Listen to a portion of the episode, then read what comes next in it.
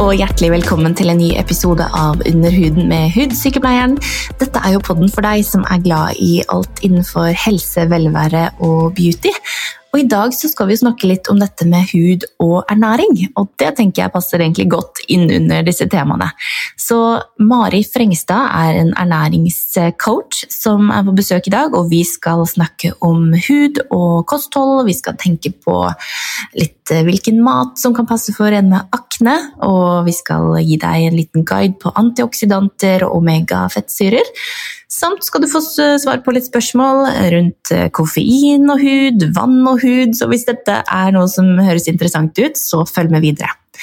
Meg finner du som vanlig under at hudsykepleieren og at Vivo hudklinikk på Instagram. Følg meg gjerne der, og ta veldig gjerne og abonner på denne podkasten, så går du ikke glipp av nye episoder. Stay tuned!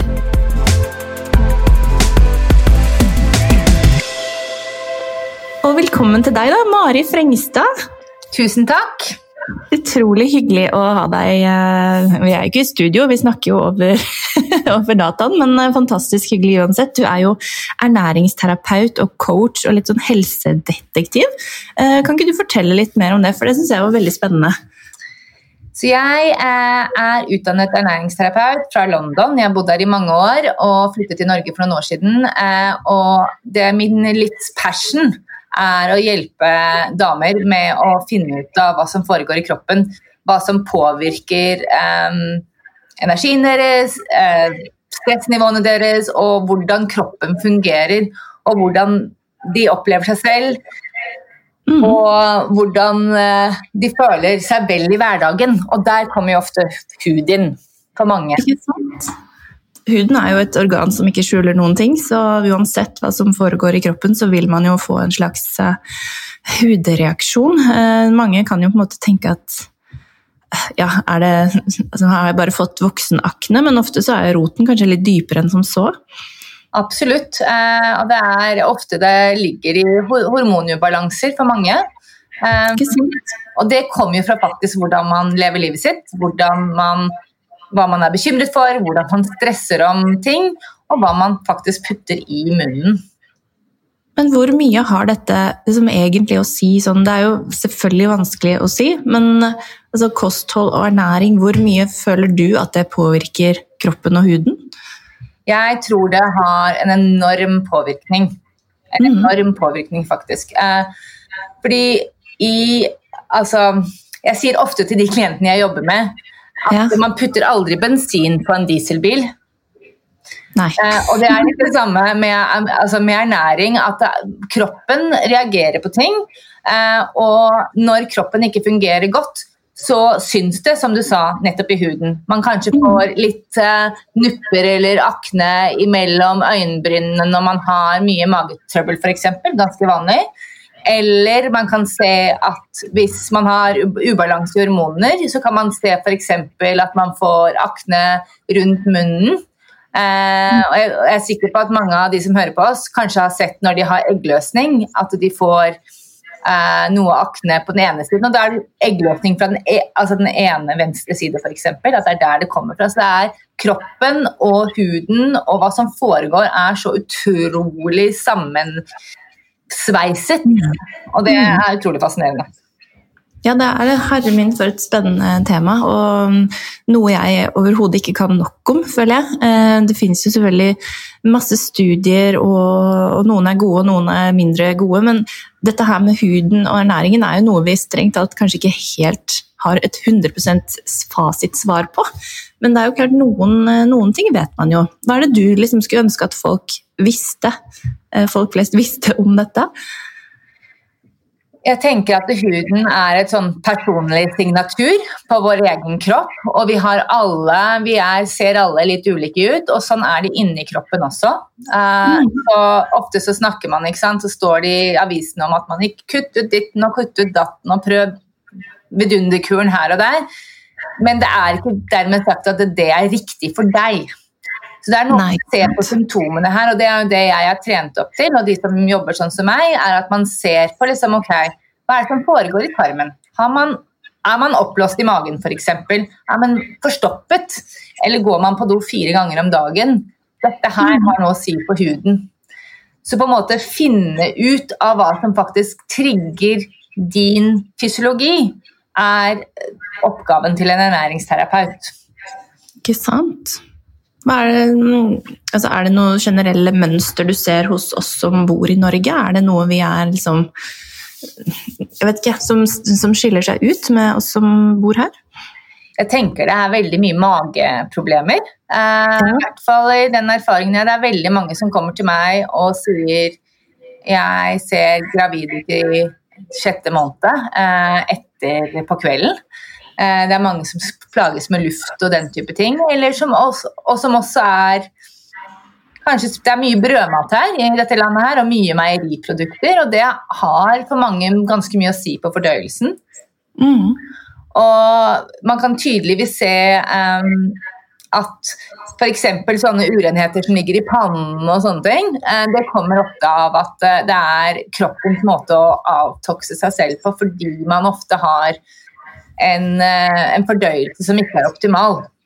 Um, og veldig mye av det som på en måte voksenakne da, kommer mm. jo av hormonubalanse. Enten om det er blodsukker eller om det er kvinnelige eh, kjønnshormoner som påvirker. Og det, med, og det kommer faktisk av hvor um, effektiv fordøyelsen er, og hvor effektiv leveren er. Så det, er mhm. ganske vanskelig å forstå når man på en måte aldri har lest eller hørt om dette her, men, men idet man begynner å rydde bort, liksom, sørge for at man går på do hver dag, for det skal man faktisk. Vi er designet for å gå på do hver dag. Eh, det snakker jeg veldig mye om. Eh, mm. Og at og man skal ikke ha vondt i magen, og man skal ikke gå rundt og, og, og være veldig oppblåst. Hvis det er noe som du sliter med, så må det tas tak i. For da kan man sørge for at man får mye mer næringsopptak av den mat man allerede spiser. Eh, men også mm. sørge for at huden eh, ikke Altså på huden en oppgave huden har, er jo å eh, avtokse oss for, en, for avfallsstoffer. Mm. Svetter f.eks. Da svetter vi jo avfallsstoffer gjennom huden. Og det er jo det som skjer at hvis vi har f.eks. Um, er forstoppet da, og vi ikke får bli kvitt avfallsstoffene våre, så går dette her gjennom huden. Uh, ja, og da kommer urenheter og eh, nupper og eh, akne. Ikke sant. Og det er jo veldig spennende, for dette med hormonell voksenakne er jo eh, Voksenakne generelt er jo noe jeg ser i klinikken hver eneste dag. Får jeg kvinner som nærmer seg 30 eller er over 30 som bare 'Nå er jeg så lei, jeg trodde dette her skulle gå over for fem år siden. Hjelp meg!' Så blir sånn herre Oi. Ja, det er et veldig reelt problem. Hvordan kan man på en måte regulere hormonene annet enn med p-piller og prevensjonsmidler og sånne? Fins det andre måter? Absolutt, det gjør det. Um, og det er, jeg tenker det er veldig viktig når man jobber med dette her, at man gjør det sånn i tandem, at man behandler sånn som du gjør, men også gå i det litt dypere. Hvorfor er det sånn uh, at uh, mine hormoner er i en sånn berg-og-dal-bane? Hvorfor og et, et, et, veldig godt clou er på en måte å se på ens egen menstruasjonssyklus. F.eks. er det mye menstruasjonssmerte? Uh, blir man syr og PMS? Er alle disse tingene her, hvis det er til stede samtidig som man har akne, så tenker jeg at da er det på tide å, å gå og finne ut av hvorfor skjer det her med meg, og hva er det jeg kan gjøre. Og Da må man gå helt på individuelle symptomer. Uh, men man begynner gjerne med mage. Man begynner med stress. For det påvirker hormoner i kroppen. Ikke sant? Kanskje mer enn man tror, akkurat dette her med psykisk eh, og fysisk stress. Men har man en stressende jobb da, og liksom ikke kommer seg ut av det på noen måte, hva, hvordan gjør man det? Ikke sant? Og det er noe jeg, jeg jobber mye med. fordi Det er noe, altså det er én ting å bli fortalt hva man skal gjøre, um, men når det kommer til ernæring og livsstil, så er det ikke en sånn magisk pille. Jeg kan gi kosttilskudd som kan hjelpe til med å roe stressnivået, eller ta mer antioksidanter, eller ta mer fettsyrer, eller alle disse tingene. Mm. Det funker, det, altså. Men det er noe at du må huske å ta de hver dag, og det må være en sånn langsiktig plan bak det hele. Ja. Uh, så Derfor så må man samtidig jobbe, være tydelig på hva, hva, hva, slags mål er det jeg har, og hvorfor ønsker jeg å bli kvitt akne f.eks. Ønsker jeg å bli kvitt PMS-en min? Hvorfor? Og da er det mange som sier jeg er så drittlei av å hyle til mannen min, eller at jeg blir kjempelei meg, eller at jeg ikke får gjort jobben min ordentlig fordi det her Jeg føler meg ikke vel, f.eks. Hvis man får tak i de og lager en strategi rundt de målene, så blir det veldig mye lettere å følge denne planen. Når man jobber med en ernæringsterapeut, så får man ofte en plan eh, med en helt sånn step by step approach. Så du får liksom Nå skal vi gjøre dette her denne uken her, og neste uke så gjør vi sånn. Mm, um, men hvis du skal gi noen sånn helt konkrete liksom, Hvis man tar ja, Vi snakket jo om at hormonene og akne har jo en innspilling, men også dette her med glykemisk indeksmat. Da. Uh, for det er jo det er veldig mange som har spurt om det. Hvis vi la ut spørsmål på Instagram, og dette her med mat og akne og meieri og karbohydrater Det er jo så mange som lurer. Jeg tror det er mange som får det rådet. da, Kutte ut melk, kutte ut eh, godteri. Men det er jo ikke så enkelt. Det er ikke enkelt, og grunnen til det er uh, Glycemic index er jo en måte å, å, måle på hvor mye sukker, eller karbohydrater, det er mm. i et måltid. Um, og det som forskningen viser, er at uh, høyprosessert mat, ferdigmat, og, og, og lett fordøyelige karbohydrater, sånn som sukker og mel og pasta og ris og sånn, eh, mm. kan Hvis man har mye sånn mat med lite bevegelse, eh, i tillegg til mye tilsetningsstoffer, så kan det få konsekvenser for huden. Kan, da kan man få voksenakne da, hvis man reagerer på alt dette her. Mm. Og det med karbohydrater det er jo at den ene er at det påvirker blodsukkeret vårt. Mm.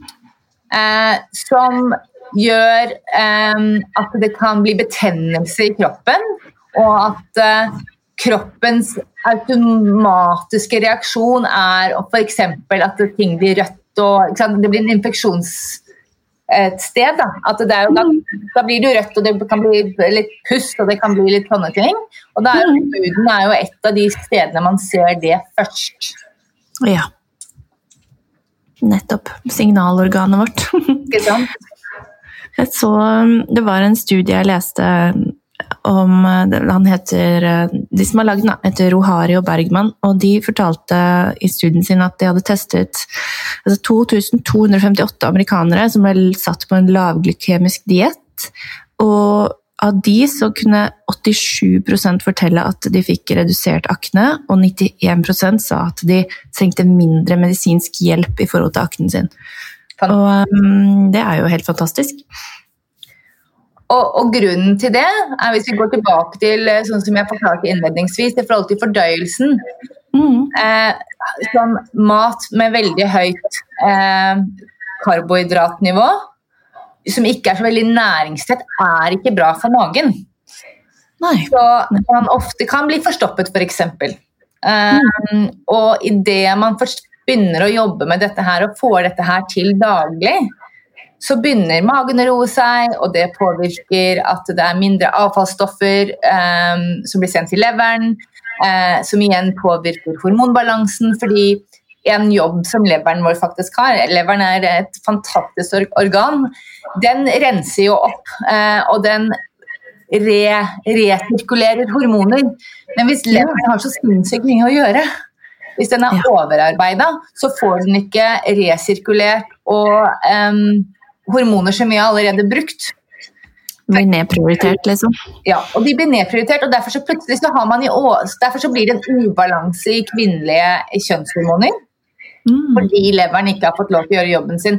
Så det er hvis du kommer og jobber med meg, eller noen sånn for meg, så er det ofte at du jobber med magen først. Får den i orden, for da plutselig er det veldig mye som faller på plass. Ikke sant. Det, høres ut som det, Alt henger jo sammen her. Jeg hører jo det. Alt fra hud og mage og lever og alt. Og, men apropos lever, det er, det er, liksom noen ganger man kommer over annonser med sånn Drikk masse juice og detox kroppen din. Men er det ikke egentlig sånn at leveren gjør den jobben helt fint sjøl? Hva tenker du om det? Jeg tenker at uh, man ikke må finne på å ta en sånn uh, detox juicekur helt uten å jobbe med noen profesjonelle. Um, fordi man kan sette i gang ganske mye tull. eh, som ikke føles bra. Eh, jeg har gjort det sjøl, jeg vet liksom hvor forferdelig det kan være. Eh, men det har, som jeg forklarte nå, leveren kan være overarbeidet, men det er ikke nødvendigvis en leverkur som må til for at den får mindre å gjøre. Det er at man spiser bra, at man tar vare på seg selv, at man stresser mindre. Så de tingene må være på plass før man i så, Og da kan man f.eks. dra til fastlegen og ta en blodprøve og måle leververdier og se eh, om man trenger å gjøre noe sånt noe. Eller man kan se jobbe med symptomer, for det er en del symptomer man kan se da, eh, i forhold til leveren. Eh. Og, og f.eks. en sånn hormonbalanse som vi har snakket om. Mm. Eh, det er et av de symptomene. Ja, nettopp. Men hvis man, eh, hvis man, kommer i gang og gjør alt uh, riktig, hvor, hvor, lang tid tar det før man kan se resultater? F.eks. på voksenakne eller andre hudproblemer? Er din erfaring? Det er ganske raskt, altså, idet man liksom får den magen um, i gang. Uh, mm. For mange så er det jo altså det at man ikke går på do ofte nok. Um, men den største utfordringen her er jo på en måte ikke eller det er en utfordring å begynne på de riktige tingene, men det å faktisk få gjennomført det er jo det største ut den tankeendringen, the mindset mm. change, om det at eh, man ikke skal ta en pille for å fikse alt, men det er faktisk hvordan man lever og hvordan man tar vare på seg selv, helt fra bunnen av, som faktisk er det viktigste. da. Mm. Men, men, jeg har jobbet med folk jeg, som kan få magen sin ved å fjerne et par matvarer som irriterer den personen, mm.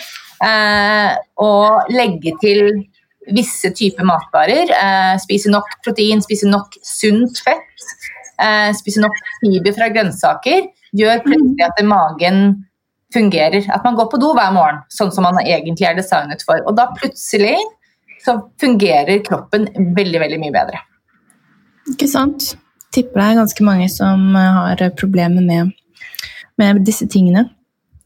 Um, det som jeg så da uh, når vi fikk inn disse spørsmålene, er at det, eh, det var mange som spurte om um, koffein og kaffe. Hvordan det kan påvirke huden. Det er et interessant spørsmål. Um, jeg tenker at uh, koffein er jo et veldig dehydrerende. Mm. Uh, og jeg tenker at huden er vel en av de Altså, kroppen vår er Det er så mye vann i kroppen vår, og vi er designet for å ha nok væske i kroppen. Og jeg tror kroppen vår beskytter beskytter f.eks. cellene våre og hjernen vår. Så jeg tror huden tar veldig mye den, liksom, den, tar veldig mye av skadene først. Da. Så er, jeg tror det er veldig mye som skjer akkurat der. Fordi hvis man blir dehydrert, så krymper cellene våre. Da kommuniserer de ikke så godt. Hjernen vår krymper faktisk. Og det er jo det siste kroppen egentlig ønsker. For jeg tenker da at huden er det første stedet som merker eh, det å være dehydrert. Um, så jeg tenker fra et koffein- eller kaffeperspektiv så blir man dehydrert av kaffe. I mm. tillegg så øker det jo stressnivå, for det er en av grunnene til at vi drikker kaffe. Man får en eh, økt mengde med kortisol. Eh, og stress er vist i forskning til å ikke nødvendigvis eh, danne akne eller være årsaken til akne, men det kan gjøre det verre og at det varer lengre. Mm. Fordi når man er stressa, så er kroppen er i en sånn På engelsk heter det 'fight or flight'. At man er liksom designet for å komme seg vekk fra fare. Ja. Så da bruker kroppen alle ressursene på å tenke kjapt, få masse muskler, eh, nei, få masse energi ned i, i, i beina så man kan løpe vekk. Eh, det er formålet med stress. Ja. Da går den ikke inn og reparerer cellene sine. Da går den ikke inn og reparerer hudceller. Nei. Og jeg tenker, hvis man holder på med det her over veldig lang tid, over årevis, så vil det jo kanskje kunne merke det på huden i form av tidlig aldring og sånne ting, fordi huden får ikke generert seg selv som den burde. Men de aller fleste av oss er jo veldig glad i kaffe, da. Hva skal vi gjøre da? Alt med måte. Tenker jeg. Og så tenker jeg veldig mye på dette med, som du sa, med glysemisk indeks. Det er jo blodsukker. Og ofte ja. velger vi å drikke kaffe når vi egentlig er sultne eller vi er slitne. Eh, så det å få det blodsukkeret regulert, sånn at man ikke liksom har lyst på den kaffen klokken 11 eller den klokka 2, klokka 3, eh, som ofte veldig mange har, fordi man, er, man føler seg sliten. og grunnen til det er fordi blodsukkeret er gått i en sånn berg-og-dal-bane gjennom hele dagen. Ja. Det, kjenner meg igjen i det.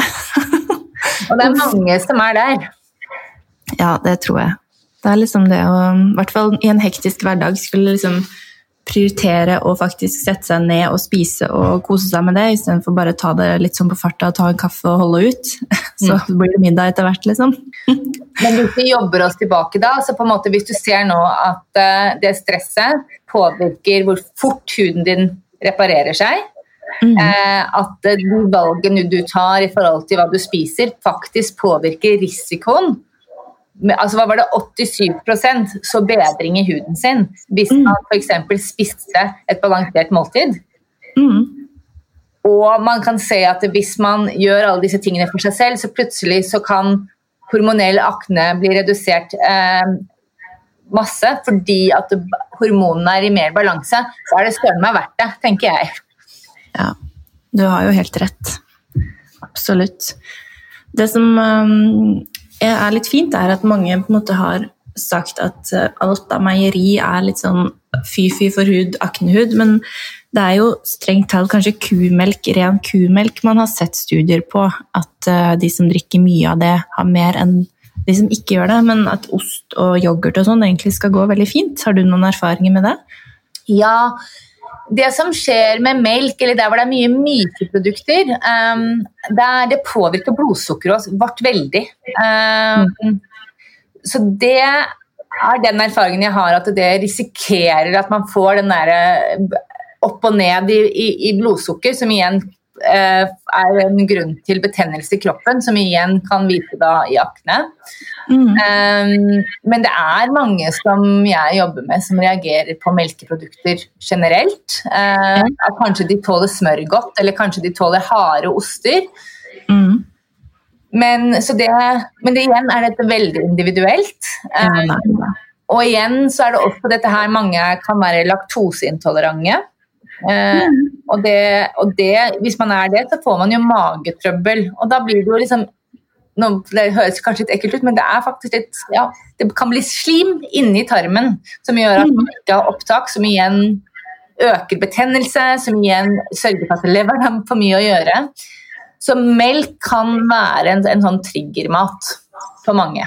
Så jeg vil si det at det er verdt å forsøke, men når man jobber med ernæring systematisk for å finne ut av hva som liksom, hva kan jeg spise, mm. så, så, er liksom gullstandarden innen forskning å ta en mat ikke, ikke intoleransetesting, men å, å eliminere bort ting. Prøv å kutte en måned og se hvordan huden oppfører seg. Mm. Det er den beste måten å gjøre det på. Det kan være veldig vanskelig å gjøre alene, så det er derfor jeg anbefaler å liksom gjøre det her systematisk med noen, for da kan man få den der daglige motivasjonen man trenger for å stå i det, da. Ikke sant. Ja, det, det kan være vanskelig å gjennomføre sånne ting alene. Jeg syns ofte det er vanskelig å skulle gi sånne råd til pasientene mine i klinikk også, fordi det er jo ja, det er mange forskjellige meninger om det. Mm. Uh, ikke sant? Også, men det er jo klart, folk skal kunne leve livet også. Men det er jo klart, hvis man har alvorlig akne og noe kan, kan hjelpe i så stor grad, så kan det jo være lurt å, å teste. Absolutt. Og det er en veldig givende prosess. Og det å kunne Jeg er veldig fan av det å kunne hele seg selv. At, fordi det her er faktisk noe man gjør. Man spiser mat hver dag. Så hvorfor velger man Altså, hvorfor kan vi ikke velge mat som vi vet liksom booster oss, istedenfor å gjøre kroppen sliten? Um, så jeg tenker Det er vel litt sånn feilprogrammering av hjernen, eller er det Det er vel litt sånn at det, eh, fra, fra fysiologiens, biologiens side, så er jo vi mennesker opptatt av å Vi er jo jegere og sankere, ikke sant, fra bunnen av, og det å skulle Å kunne booste energien med sukker og lett tilgjengelig mat er jo noe som gir oss dopamin i hjernen. Så det er jo noe vi jakter og hungrer etter. Mm. Er det, det, er jo litt sånn Vi har gått litt for fort i evolusjonen. Men også fordi at jeg tror vi, vi, er, vi er sultne på det fordi vi er i utgangspunktet stressa. Ja. Så, så hvis vi hadde hatt uh, Det er veldig mange av de damene jeg jobber med som ikke er så veldig de er flinke til å kanskje booke en, eh, en hudsession eller få ordnet neglene sine og dra til frisøren. Og mm. kan gjerne spenne, bruke liksom 4000-5000 kroner på det, men det å faktisk gå ned i det helt liksom elementære med å hva spiser jeg egentlig til frokost hver dag? Hva er det som er bra for kroppen min? Hva er det som får kroppen min til å skinne? Den det er liksom, For mange er det en stor bøyg, da. Veldig interessant. Men det er, jeg tror at man ønsker ofte bare å ha den magiske løsningen. ja, den er, den er, mange som ønsker, både på hud også. En krem som gjør alt. Det hadde vært fint, men det har jeg ikke. Tror jeg. I min mm. erfaring så finnes det ikke. Og det er derfor da man må liksom eh, lage en plan.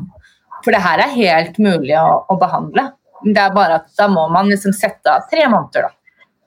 Um, jeg har hørt så mye bra om sånn periodisk faste.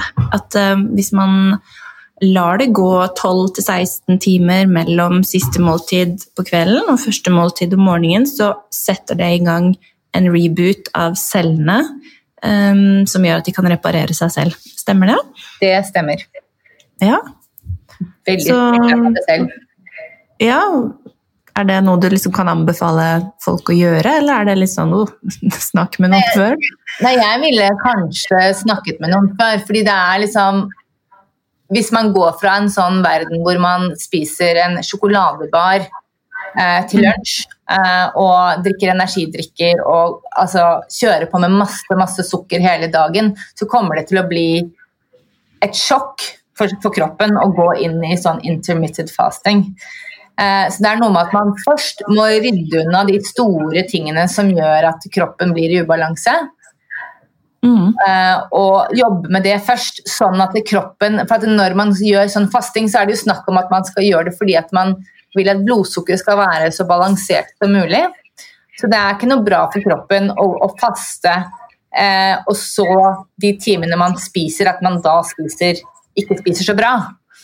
Det skjønner. Da putter man jo kroppen inn i enda mer stress. Ja, det blir enda større svingninger. Ja, enda mer stress. Det er ikke bra. Men jeg har sett eh, mange som jeg jobber med, mange som har jobbet med det her, og um, som har kjemperesultater. Uh, mange av mine klienter gjør det. Men da har vi rydda litt først. Ja, ikke sant. Det, det, er litt sånn med hud også, at man må ofte forbehandle seg litt før man kan gå i gang med litt heftigere peelinger og, og mikronidlinger og sånne ting. Det, hvis man går rett på en ubehandla hud, så, så, kan det skape ja, mye verre enn det det egentlig var. Så det er litt sånn. Det er også noe som jeg tenker mye på, er at eh, når vi setter i gang med sånne prosjekter. Eh, mm. store mål f.eks. at nå, nytt, etter nyttår så skal jeg gå ned fem kilo, eller jeg skal eh, begynne å trene igjen, eller jeg skal spise sunt. Og så får man det ikke helt til fordi man ikke har vært forberedt nok, eller man har ikke en klar plan, eller man har ikke nok kunnskap, eller man, altså, livet kommer i veien. Mm. Eh, det skjer jo alle. Eh, men det som skjer når man da faller over, og når man ikke får gjennomført det, så skuffer man seg selv. Ja. Og da er det vanskeligere å komme i gang en gang til. Så det er noe med det språket man snakker om, at det, liksom, at det er så viktig å, å søke den hjelpen da, og den motivasjonen og den, å være og holde noen, eller få hjelp da, på veien, sånn at man ikke har den derre peptalken på kammerset eller på toalettet liksom, jeg får ikke til dette her. Jeg skjønner ikke hvorfor jeg ikke jeg klarer å gjennomføre nyttårsforsettet mitt. Eller hvorfor får alle andre til til å trene eller kutte ut gluten eller melk, eller, og jeg får det ikke til. Og da er det språket man snakker med seg selv da, blir jo veldig nedtalende. Og så former det hvordan vi prøver oss neste gang. Og kanskje vi ikke tør å prøve, til tross for at man Det er masse forskning, det er masse bevis, jobb, altså, det er masse bevis for at dette her funker, og at det Mm. kan funke for alle. Men det er noe med at vi har av og til feilet, og så tør vi ikke å sette oss opp på den hesten igjen. Nei, man har liksom bare filen på at nei, kommer til å feile uansett, så hvorfor gidde? Det blir litt sånn Uff a meg. Ja, nei. Sånn um, Det er jo Du snakket jo litt om antioksidanter tidligere også. Det fins det jo mye av i, i um, frukt og bær og grønne grønnsaker og alt sånt der. Men er det egentlig noe vits i å ta supplementer for det, eller kan man helt fint dekke behovene sine med kost? Da må man spise ganske bra, tenker jeg. Eh, Jeg snakker litt om å spise en regnbue. Um. Jeg har en sånn eh, syv år gammel datter hjemme som tegner regnbuer hele tiden. og Det er det jeg ber barna mine gjøre. Nå må dere spise en regnbue. Sørg for at det er alle farger på tallerkenen, så vi bruker mye tid på å tenke på det. Ja, Jeg er jo litt, jeg er jo litt over gjennomsnittet interessert i dette her. Så jeg tenker for Ola og Kari Nordmann så får de nok ikke nok antioksidanter gjennom kost. Nei. Og da kan det jo bli en opphopning av eh, frie radikaler da, som går løs på friske celler og, og ødelegger mer enn eh, de burde. Ja, absolutt. Og i Mm. tillegg da, i den, for å følge den tanken, hvis man leveren er overarbeidet, Mhm. blir det enda mer frie radikaler. Ja. Det er jo uheldig, for det snakker vi ofte om eh, i produkter og sånn, at det er veldig lurt å ha et serum med antioksidanter og C-vitamin eh, under dagkremen for å liksom kunne beskytte seg mot alt, alle faktorer som kan, man kan møte på i løpet av dagen. Mm. Så det er jo kjempelurt. Men eh, ja, jeg klarer ikke å spise en regnbue hver dag, det kan jeg bare si. jeg har ikke prøvd det heller, da. Men hvis man har det som mål, hvis man er veldig tydelig på at nå skal jeg prøve å spise et- en regnbue hver dag, at det er Mhm. det som har børstet tennene. det er jo det man på en måte må endre, da. Da Ja. går det an. Ikke sant? Det er litt vanskelig i juletidene, men eh, det går an. Altså. Ja. En regnbuekake, man. Dekorere disse pepperkakene med regnbuen. ja. Uff a meg. Nei, men en ting til jeg tenkte vi måtte snakke litt om, er dette her med nordmenns eh, forhold til eh, tran og omega-3 og litt sånne ting. Jeg føler det er mye misforståelser der rundt liksom omega-6 og omega-3 og 9. Og, kan du fortelle litt om det? Det kan jeg. Så omega-syr, det er fettsyrer. Eh, Fettsyrer trenger vi. Hver eneste celle i kroppen har en fettsyrelag rundt seg for å beskytte cellen, som også gjør det lettere for at den skal kommunisere, og at næringsstoffer kan gå inn og ut av cellen på en effektiv måte. Eh, og vi trenger uh, en balanse mellom omega-3, omega-6 og omega-9. Uh, så da er det altså hva heter det for noe? Omega-6 um, kommer fra sånn som olivenolje og vegetabilske oljer. Omega-3 er fra tran, eh, hovedsakelig. Um, og, og omega-9 er en annen um, er, Sorry, omega-9 er fra oli olivenolje og f- eh, linfrøolje og macadamia-nøtter. Og omega-6 er fra sånn rapsolje og eh, solsikkeolje og den type ting. Så vi trenger en balanse mellom disse her. Eh, men det som det moderne kostholdet, spesielt med mye ferdigmat, Mhm. er jo at vi har en overvekt av sånn rapsidolje eh, og sånne vegetabilske oljer som ikke er så bra for cellene våre. Og, det, og når man har for mye av omega-6, så blir det fettlaget i hver celle litt for hardt. Så næringsstoffene får ikke liksom gått frem og tilbake sånn som de skal. Mm, sånn som skjer, ja. Uh, og det har jo en stor påvirkning på huden også. Um, og, og fordi når man har den riktige balansen, uh, så føles jo huden eh, finere å ta på, sånn som babyer, babyhud. Eh, Den Mm. ser freshere ut og yngre ut. Um, og den jeg vet Du har jo sikkert mye mer peiling på dette her i forhold til hud, men i hvert fall, jeg ser for meg at omega, den riktige omegabalansen også forsterker hudens overflate. Da. Og, Mm. og gir den mulighet Hvis man har den riktige nivået, så er det mye lettere for huden å reparere seg selv. Ikke sant? At man får den der naturlige altså avflastningen av hudceller som man er ment til å ha. For veldig ofte så har man jo ikke det. Det går litt treigt, sånn at det blir en opphopning av døde hudceller da, som gjør at man ikke får noe utbytte av det man legger på huden. Noe særlig, i hvert fall. Eh, så nei, det er jo det her med at alle prosesser går raskere, som du sier, og cellekommunikasjon er kjempeviktig i huden. og Det er det sikkert i alle organer. Mm. Så det er bare positivt å ha en sånn optimal balanse, da, tenker jeg. Og så tror jeg den også regulerer, jeg er ganske sikker på at det regulerer eh, fett- og oljeproduksjon i huden. Hvis man mm. har riktig balanse av fettsyrer. Så det er jo noe som jeg regner med er ganske viktig for hudpleie. da. Absolutt. Ikke for tørr hud eller for fet hud eller ja. ja. Men er det sånn at eh, oppdrettslaks er helt sånn fy-fy, eller kan man uh, Det er ikke så mye Jeg vil ikke anbefale oppdrettslaks for å få nok omega-3. Det vil jeg ikke. Jeg tar tran, men ikke sånn som man får kjøpt i vanlig i eh, hverdagskost eller på Rema 1000. Gå på en helsekost og kjøp deg en solid, god kvalitetsprodukt. Mm. Mm. Eh, så viktig. Eh, en vel, velinvestert ting. Eh, det koster ikke så mye. Det er sånn 250 kroner for en flaske. Eller du kan ta det i kapsler hvis du syns det ikke smaker så godt. Men helt mm. absolutt verdt det. Ikke sant. Ja, men um, har jo fått så mye bra tips uh, om, uh, om, hud, og vi har svart på alle spørsmålene som folk har stilt inn også. Uh, det er jo ett spørsmål her, men det, um, det, var om hjemmelaget hudpleie. Altså Avokadomaske og sukkerskrubb og sånn, men det har jeg jo svart på i en tidligere podkast også det er eh, bare tull, da. det er ikke noe vits i. Jeg pleier å kalle det for matsvinn, fordi ikke bruk gode avokadoer på å legge på huden din. Det vil i beste fall bløte opp de døde hudcellene og ikke gjøre noe særlig mer enn det. Så spis det heller. Tror du har mer utbytte av det hvis du spiser det. Absolutt. Avokadoer er min favoritt. Det er faktisk en frukt. Eh, favorittfrukt. Og den er med på å regulere blodsukkeret.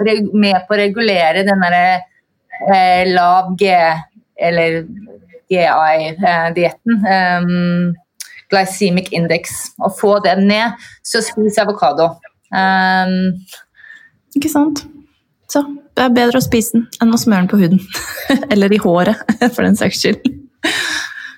Har du noen du, Vi finner jo deg, Mari, på, på Instagram under Mari Frengstad understrek nutrition. Og der anbefaler jeg alle å gå inn og ta en liten titt, for hun eh, poster veldig, veldig mye bra.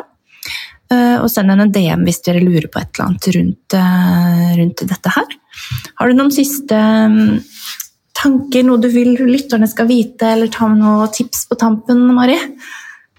Jeg tenker at jeg oppfordrer dere til å ta litt ekstra vare på dere selv nå i tiden framover. Mm. Det har vært en, et, et, rart år for mange, og mye stress. Og det å ta det litt med ro og kjenne litt på hva kroppen faktisk forteller dere, kommer til eh, å påvirke huden veldig mye. Så det Kjenn litt etter, og hør på kroppen. Det er mitt råd. Ja, det var veldig bra.